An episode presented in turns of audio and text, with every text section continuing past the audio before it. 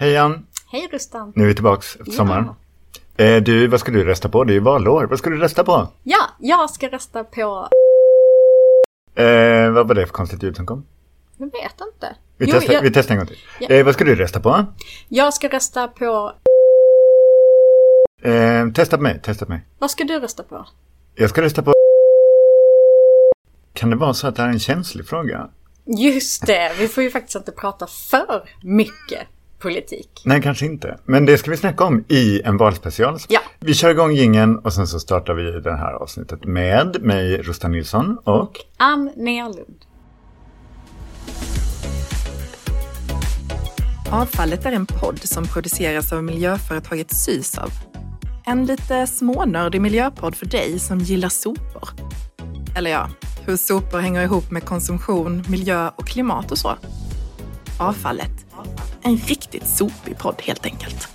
Det är ju spännande det här tycker jag med att det är så känsligt att säga vad man röstar på. Men eh, jag brukar vara ganska öppen med vad jag röstar på. Men det kanske inte kan vara just när vi gör den här podden. Därför att eh, vi... Eller i ditt jobb överlag.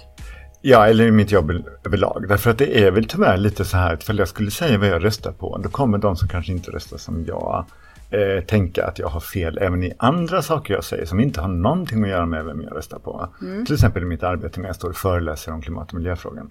Men de som röstar som jag, de kanske är liksom bara helt okritiskt trott på allt jag sa även när jag hade fel. Så det kan ju finnas problem med att, att faktiskt säga vad man röstar på. Men det är också tråkigt. Ja.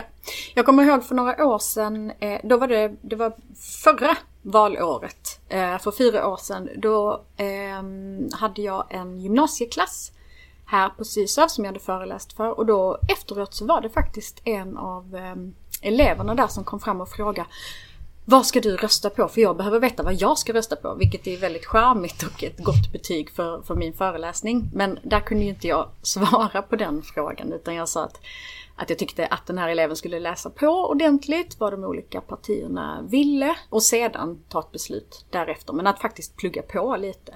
Ja, och det är väl lite det rådet vi kommer säkerligen lämna i det här avsnittet. Ja. Vi har ju gäster med oss, eller hur? Kan inte du dra vilka det är? Jo, vi har Tony Clark. Vem är det? Han är VD för Avfall Sverige. Och sen så har vi Andreas Rolfer Wrange. Ja, som är konsult på och delägare i Vestander, en konsultfirma som jobbar mycket med att hjälpa företag. PR-byrå. En PR-byrå som jobbar med att hjälpa företag och även polit- politiker att eh, jobba med hållbarhetsfrågor på rätt sätt.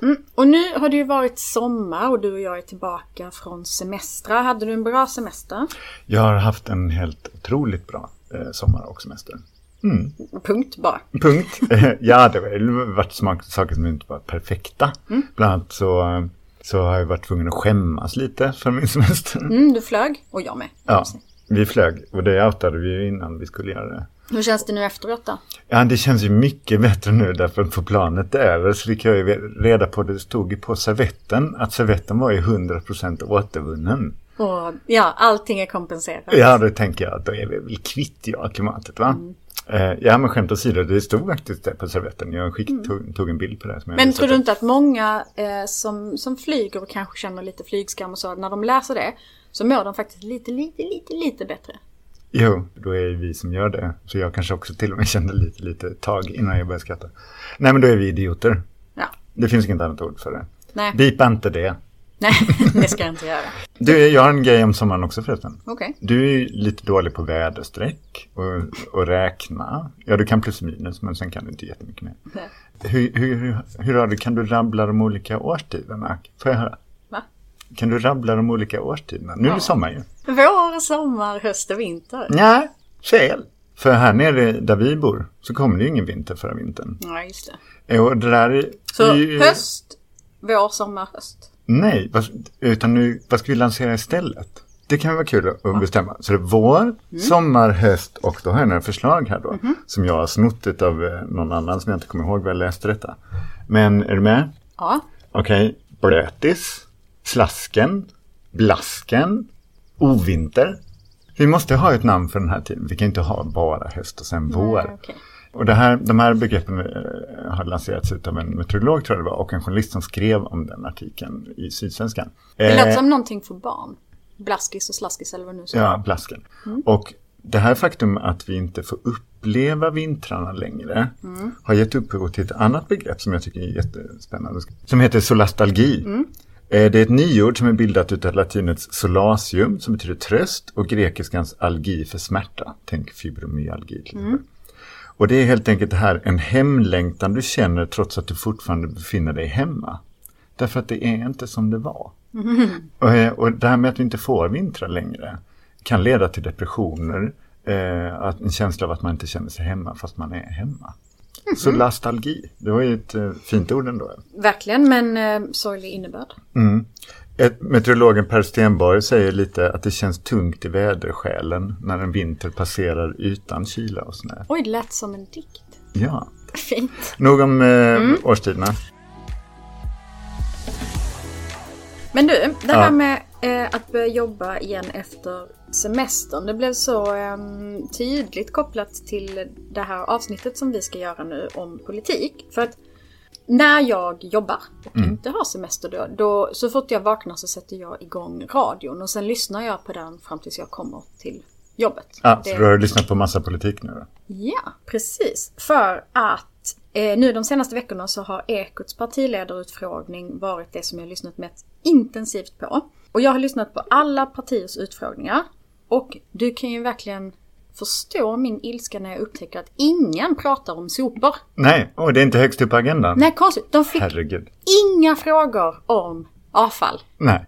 Och det här kommer faktiskt Tony Clark i intervjun att han säger att han är glad att det inte är en av de prioriterade frågorna. Det är, det är ju helt enkelt för att det, inte ska, det ska inte vara några motstridiga åsikter i den frågan förhoppningsvis. För det är ganska tydligt vad forskning och teknik, hur man ska ta hand om avfallet. Så att det är ingen kontroversiell fråga, det är en Nej. ganska pragmatisk fråga. Okej, okay. ska vi köra igång med vår första intervju med Tony Clark? Det tycker jag. Nu är det dags. Eh, Tony Clark, vem är det? Kan inte du ge honom en pampig presentation, han Merlund? Tony Clark är VD för Avfall Sverige. Och Avfall Sverige är kommunernas branschorganisation inom avfallshantering och har funnits i hela 75 år i år. Och Tony Clark har ju en lång tid bakom sig i maktens korridorer. Så han har hållit i många ministrars portföljer och gått ett par steg bakom.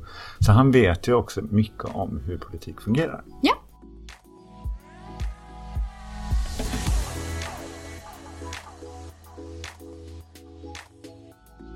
Nu sitter vi på Avfall Sveriges kontor i Malmö och det är en varm dag, solen tittar fram och vi befinner oss i ett konferensrum där vi sitter med Tony Clark. Vad kul att vi får hälsa på dig! Jättekul, välkomna! Tack!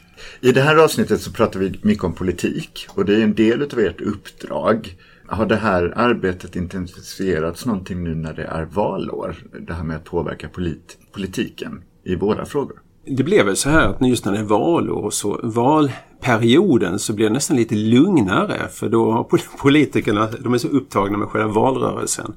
Men under hela den här mandatperioden så har det kommit väldigt många initiativ löpande som som, så det har varit en väldigt intensiv period. Men det styrs ju inte bara av den nationella politiken utan också väldigt mycket som kommer från EU. Va?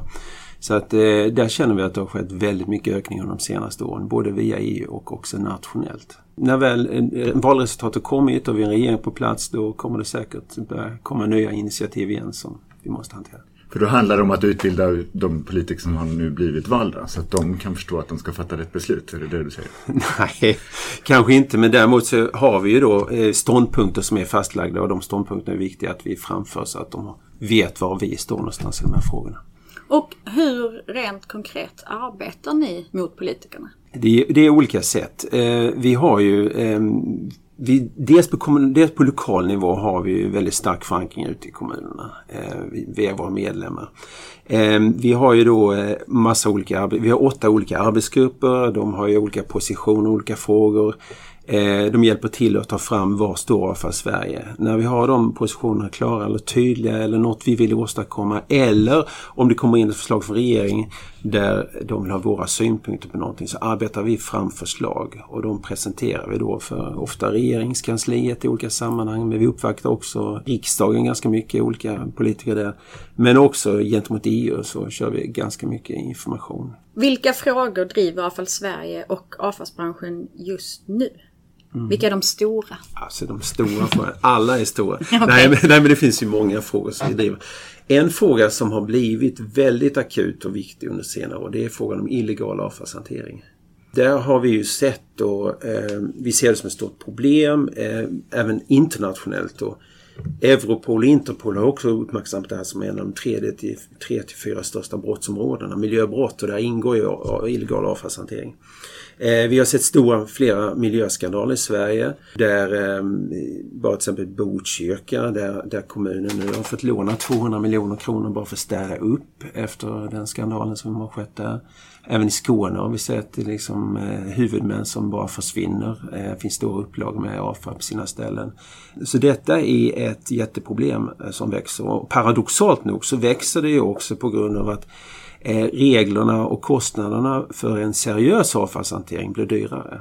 Eh, och i och med att det blir dyrare så finns det ljusskygga aktörer som erbjuder sina tjänster till en billigare peng och det resulterar ofta i ett upplag någonstans som ingen bryr sig om. Och sen får kommunen ta hand om det när ingen annan gör det och det kostar medborgarna ganska mycket pengar. Ja, vi precis, jag skrev ju ett debattinlägg i frågan där vi säger bestraffa inte den ansvarsfulla avfallshanteringen. Mm. Mm. Mm. och det här är ju, kan vara en paradox, för vi vet ju också om att det behövs ju skatter ibland för att styra mm. avfallshanteringen i rätt riktning. Mm. Vi har haft framgång med deponiskatt och sen så småningom deponiförbud men det är klart att då, mm. då blir det ju så att då kan det vara billigare att fuska. Mm. Eh, mm. Tycker du att avfallsfrågan får ett tillräckligt stort utrymme i debatten eh, idag?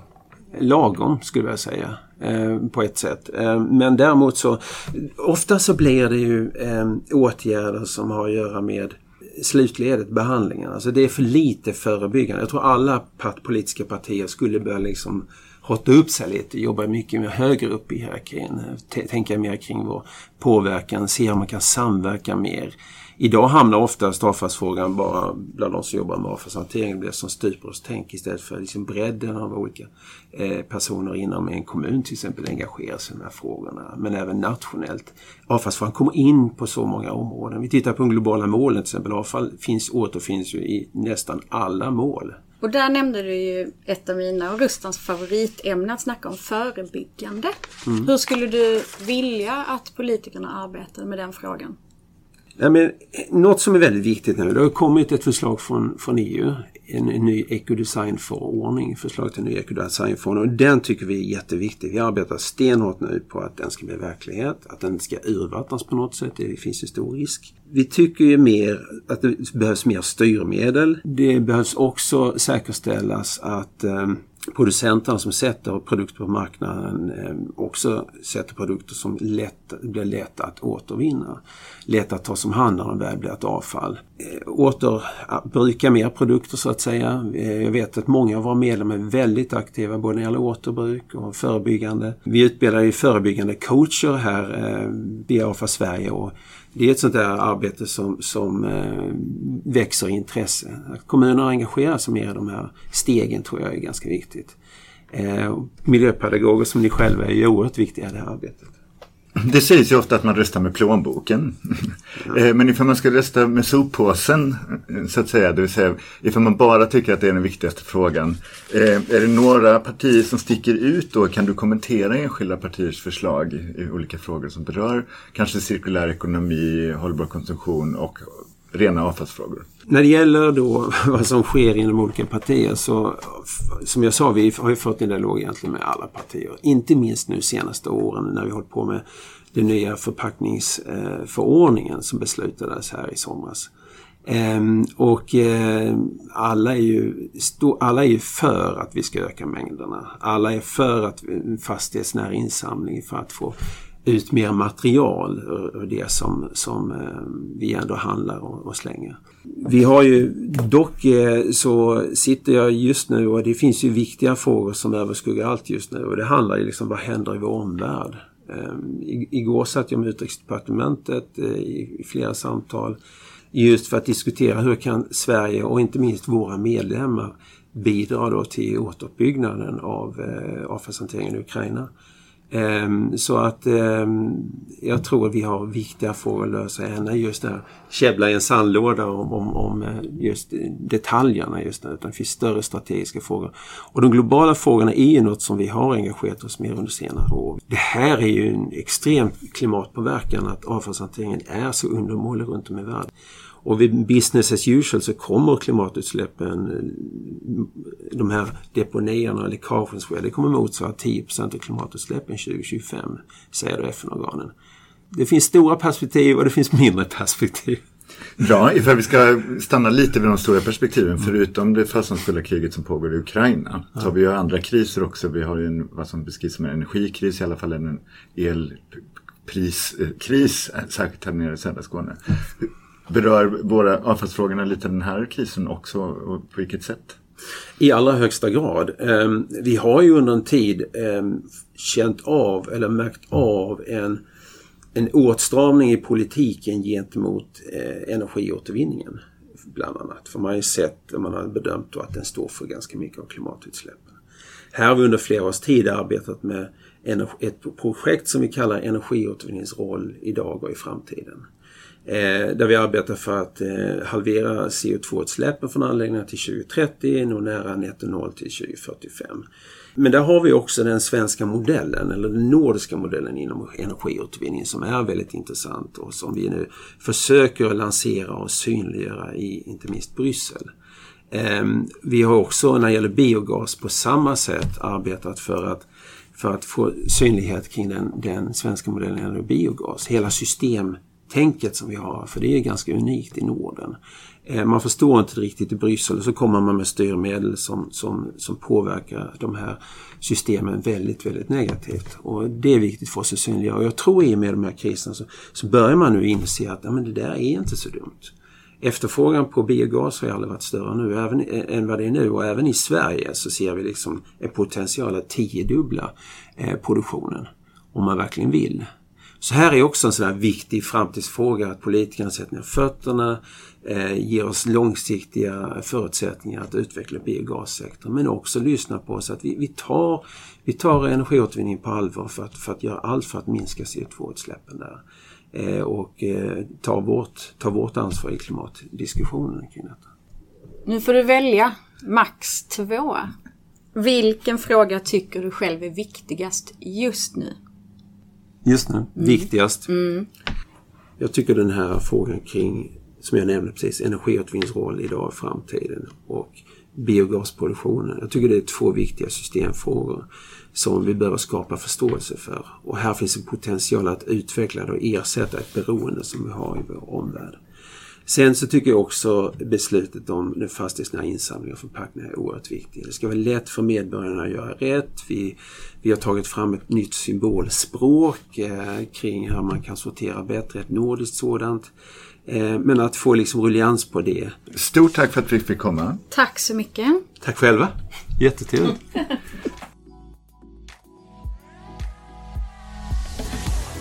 Tony nämnde att det stora arbetet börjar först efter regeringsbildning. Ja, eftersom det inte är en politiserad fråga det här med avfall, så mycket i alla fall. Mm. Det finns ju inom energi och konsumtion ja. Eh, stora skiljelinjer mellan eh, olika partier och block. Men, men eftersom det inte är en stor fråga så, så handlar det ju mer om att de nu som har blivit våra folkvalda och som ska eh, fatta besluten ska göra det eh, ska fatta bra beslut. Mm.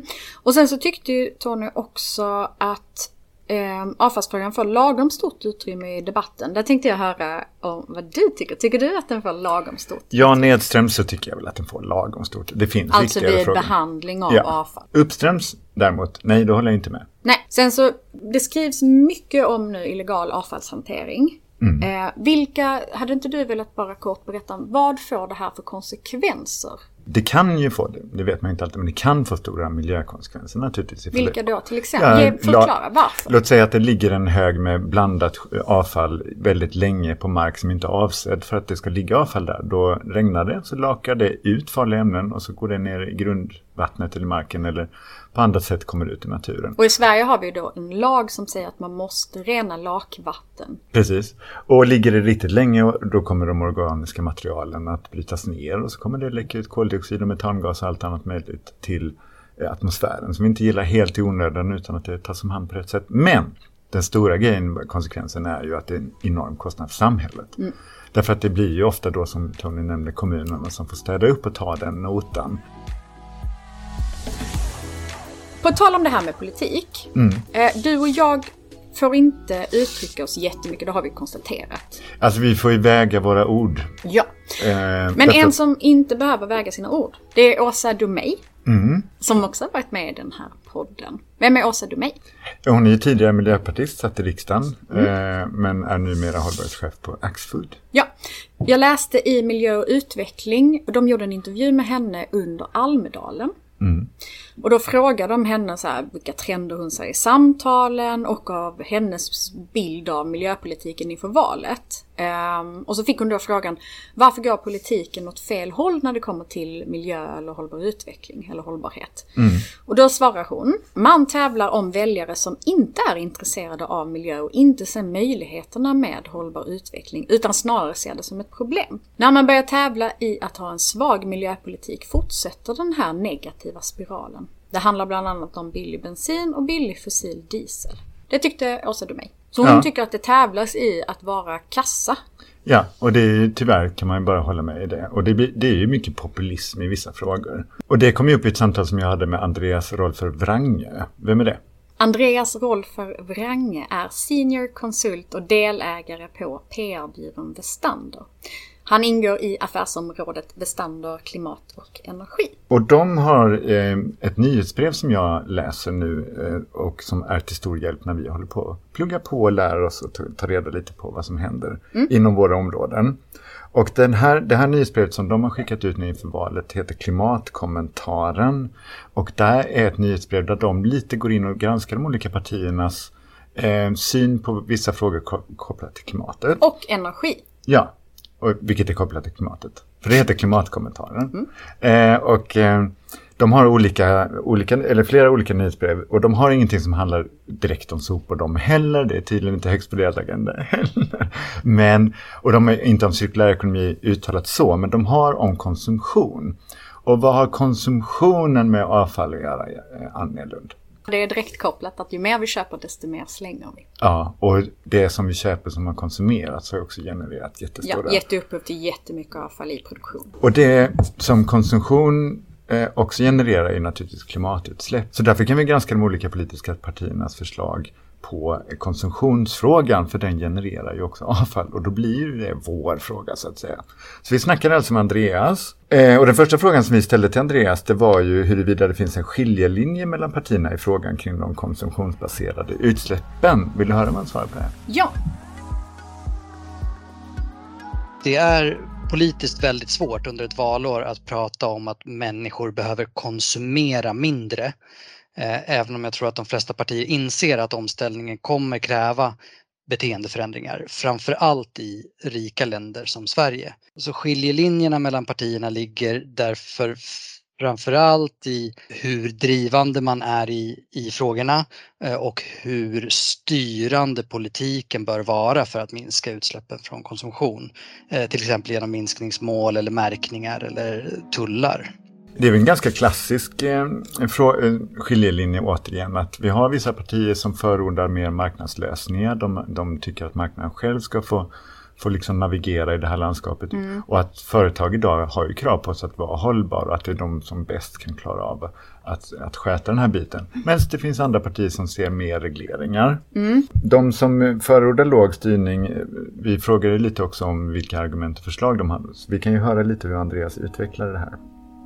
Tittar man på Naturskyddsföreningens stora granskning som de just har kommit med av eh, partiernas klimatpolitik så är det Moderaterna, Socialdemokraterna och Sverigedemokraterna som säger nej på frågan om man bör införa ett mål om att minska materialkonsumtionen med 75 procent till 2050. Um, ehm, så det skulle man kunna tolka som att de partierna eh, vill ha en lägre, lägre grad av styrning. Samtidigt så har Eh, även eh, Moderaternas klimatpolitiska talesperson sagt att en åtgärd som till exempel klimattullar på EU-nivå som ju då skulle göra det relativt dyrare att konsumera produkter med hög klimatpåverkan, att det kan bli nödvändigt att införa. Eh, så även om liksom Moderaterna Eh, och Liberalerna och Centerpartiet som också är partier som har liksom en, eh, en grund i frihandel och att vilja låta marknaden styra i så hög utsträckning som möjligt. Eh, alla de tre partierna har i någon mån antingen medgett att, att klimattullar kan bli nödvändiga eller Centern och Liberalerna säger till och med att de, att de vill ha det i EU. Och då då vill vi också höra lite om det motsatta. Vilka är det som då är för hög styrning? Vilka, vad är deras argument? De som vill styra det här hårdare är ju framförallt då Miljöpartiet och Vänsterpartiet som jag uppfattar det. De är tydligare med att omställningen inte kommer gå tillräckligt fort med endast eh, typ märkningar, information till konsumenter, frivillighet och, och, och tekniska lösningar. Eh, så jag skulle förvänta mig att om det är några, något parti som driver frågan om klimattullar exempelvis då, eh, eller klimat, olika koldioxidskatter eller diversifierad moms eller sådana saker som man skulle kunna tänka sig för att göra produkter med hög klimatpåverkan dyrare så, så är det just eh, de partierna, Miljöpartiet som ju, som ju generellt har höga klimatambitioner och Vänsterpartiet som, som eh, också har det traditionellt. Men jag tror att det kommer handla om eh, den typen av förslag som liksom tvingar fram beteendeförändringar genom att göra klimatovänliga mm, produkter dyrare. Eh, det blir liksom inte lika kostsamt politiskt att driva sådana frågor jämfört med att säga att vi ska sluta konsumera vissa varor. Okej, du och jag Ann är ju naturligtvis, eh, vi har ju våra åsikter, men vi är ju också demokrater, eller hur? Absolut. Och här kan man väl ändå tänka sig att eh, vi vill ju att alla ska få vara med. Alla ska få vara med. Och då kräver det ibland att man kompromissar. Så ja, det finns skiljelinjer mellan de olika partierna, de tycker olika i vissa frågor. Men det kommer ju naturligtvis finnas saker vi kan driva i, även i ett lite utsatt parlamentariskt läge som vi kommer säkerligen vara efter valet. Det kommer vara svårt att bilda en stark regering med, med, stor majoritet och det kommer vara läge för kompromisser. Mm. Eh, så vi frågade ju också Andreas vad, vad han ser är deras, vad tror Westander är möjligt att genomföra där det inte är en tydlig skiljelinje men som ändå skulle få effekt på de eh, konsumtionsbaserade utsläppen. Sen sa han jag tror att klimatmärkningar av produkter, alltså ungefär i stil med, med energi, de här energideklarationerna som finns på vitvaror idag till exempel, eh, skulle kunna vara ett första steg som eh, liksom ökar kraven på transparens och redovisning från tillverkarna eh, och som de flesta partier borde kunna ställa sig bakom.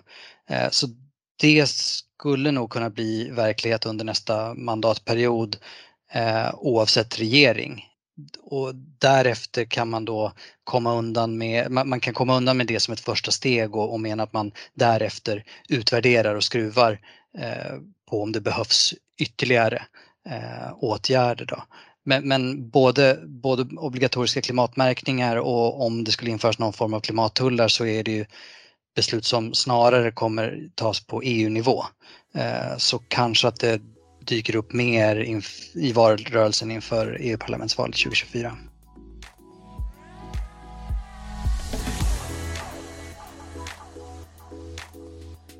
Tack Andreas Rolf Wrange.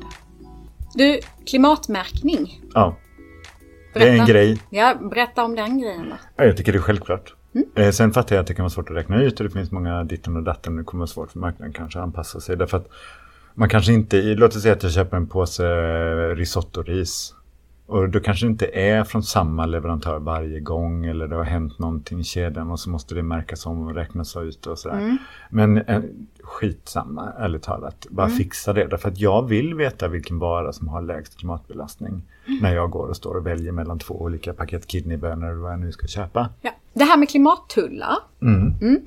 Det innebär att det blir dyrare för företag att importera varor som sätter hård press på klimatet. Och då har det till exempel eh, aluminium, stål, cement, konstgödsel. Mm. Det läste jag i en artikel i alla fall. Och eh, även där är det ju lite blandad, liksom, så här, kommer det här verkligen kunna innebära någonting bra? Liksom, kan man ta sig runt det här systemet och så vidare. Jag tycker att det här är ett rätt bra förslag och det här är ju också någonting som de flesta partier, de, det här är de eniga om att det här kommer behövas. Mm. Och sen kanske man vill utforma på lite olika sätt. Men Ja. ja, då hör ni det partierna. Kom överens i den här frågan inför klimattullar, för det tror vi på faktiskt. Det måste bli dyrare med jungfruliga material och klimatbelastande eh, produkter och material. Så att vi kan få fart på en sann och cirkulär ekonomi. Som en liten sammanfattning om vad partierna pratar om just nu, brinnande, ehm, så bad vi våra kollegor Agneta Fredenberg som är kommunikatör samt Gunilla Karlsson som är public affairs-ansvarig eh, summera lite, vad snackar politikerna om? Då är det jättemycket om energikrisen, såklart. Eh, och då är olika lösningar och angreppssätt till detta. Eh, lite om grön teknik och teknikutveckling som lösningar. Mycket om bensin. Det är det. Det är bensin och kärnkraft känns det som hela tiden just nu. Sen så är det en del som nämner hållbart samhälle, vad det nu innebär. Det är oftast inte någon benämning på vad det skulle betyda, liksom, utan alla vill ha ett hållbart samhälle. Eh, fossilfri energi såklart, eh, och lite om tågen. Så det är en liten kort sammanfattning, men alla pratar på något sätt om klimat, energi. De snackar om det lite på olika sätt dock. Nu tänker inte jag götta mig in för allt för mycket i kärnkraftsfrågan, men jag tänker i alla fall komma med en liten, en liten vinkel på den. Får jag det? Ja, pratar du om kärnkraft? Eh, ja, jag tänkte prata om, inte om kärnkraft helt enkelt, genom att prata om kärnkraft. Eh, ja. eh, nu blir det jättekonstigt. Så här, eh, det är ju, ingen kan ju undgått att det har varit liksom kärnkraft som eh, har lyfts fram som lösningen på klimatkrisen från eh, några partier. Eh, och man kör ganska den, den frågan hårt. Och jag tänker inte recensera huruvida det är bra eller dåligt. Men däremot så läste jag en väldigt intressant eh, eh, artikel på eh, SR. Och det här var Marcus eh, Vråke, VD på Energiforsk, som är ju energibolagens eget forskningsbolag. Okej? Och där ingår det alltså eh, ägare till kärnkraft med i det här bolaget. Så de får väl anses vara opartiska i, i den här frågan helt enkelt. De forskar på sin egen bransch. Eh, de har eh, testat Eh, och provat olika scenarier för vad som kan få ner elpriserna. För det är det som också har dominerat eh, debatten och som har drivit också kärnkraftsfrågan. Elpriserna har pressats upp, särskilt i södra delen av Sverige där vi bor. Vi har sett jättehöga priser eh, på elen. Då testade de tre olika scenarier för att få ner priserna. Två av dem handlade om att tillföra mer el. Antingen genom att snabba på utbyggnaden av förnybart eller genom att använda mer kol, olja och kärnkraft. Så man testar liksom så här, vi bygger ut kärnkraften, vi bygger ut kol och olja eller vi bygger ut förnybart. Så, eh, så kollar man hur snabbt det kunde få effekt på priserna. Det tredje scenariot det gick ut på att Europa istället ska lyckas minska sin elanvändning med 5 Och det ger både den snabbaste men också den största effekten på att dämpa priserna enligt den här simuleringen de gjorde på forskningsbolaget. Men återigen, det är inte jättepopulärt att prata om att vi ska dra ner på användningen Nej, av saker. men effektivisering pratar man ju gärna om i många andra sammanhang. Absolut. Och det där tycker jag är så intressant att, att eh, vi, återigen, vi hade, pratade om det i ett annat poddavsnitt, att när vi har en lösning så vill vi tillföra snarare än att ta bort. Ja. eh, fast ta bort kan vara mycket en effektivare och bättre lösning som dessutom kan generera eh, precis den effekt man vill uppnå.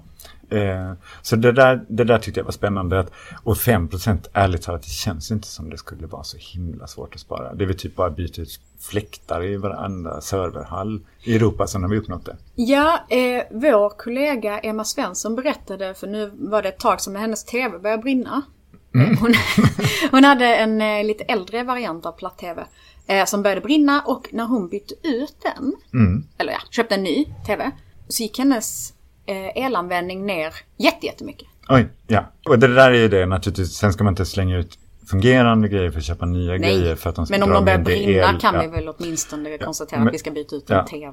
Och ändå så är det inte det vi får höra så mycket om. Och jag tror att 5% hade vi klarat. Alltså Mm. jag kan bara skärpa mig lite med att släcka lamporna där hemma så klarar jag det. Ja, det kan du verkligen. Du vet ju ingenting om Nej, det. jag Nej. Ja, men det, eh, det känns som nu har vi snackat på jättemycket och vi kommer börja klippa bort hälften. Vi har bara en grej kvar som vi hinner med. Och Ja, det är en, Marias hållbarhetstips. Ja, shoot. Behöver du nya grejer till hösten? Tänk andra hand i första hand. Här kommer några tips för att du lyckas med second hand-shoppingen. Om du går på loppis eller till en second hand-affär, tänk igenom innan vad det är du är ute efter så minskar risken för felköp. Gör research, kolla prisläge innan på det du är ute efter så vet du direkt om det är ett fynd eller inte. Om du köper på nätet, tänk på att färgåtergivningen kan vara konstig. Dubbelkolla vad det är för färg och vilka mått det har innan så slipper du beställa något eller åka någonstans förgäves. Fler hållbara tips hittar du på Sysavs Instagram. Ja, det får räcka för idag. Ja, nej, jag undrar också, är det något speciellt du ser fram emot nu under hösten när vi är tillbaka? För, förutom valet. Ja, Ja. alltså Jag- jobbmässigt. Jaha. Eh, Ja, det är massa saker. Vi har ju en höst som innehåller bland annat Circle Monday. Och en annan superspännande sak som händer i höst är vad då? Att vi ska få en ny kollega. Ja, vi håller på att påbörja rekryteringen utav att vi ska bli en miljöpedagog till Ja, här precis. tre miljöpedagoger precis av. Ja, gött. Eh, ja, men eh, du, Ja. tack. Ja. Nu- Följ gärna podden på Instagram. Där heter vi en riktigt sopig podd. Och rösta såklart. Det är det viktigaste. Det är det viktigaste. Okej, ha det fint allihopa. Hej då! Hej då. Det här var en podd producerad av miljöföretaget Sysav. Glöm inte att följa oss på sociala medier. Där heter vi Sysav. Avfallet. En riktigt sopig podd helt enkelt.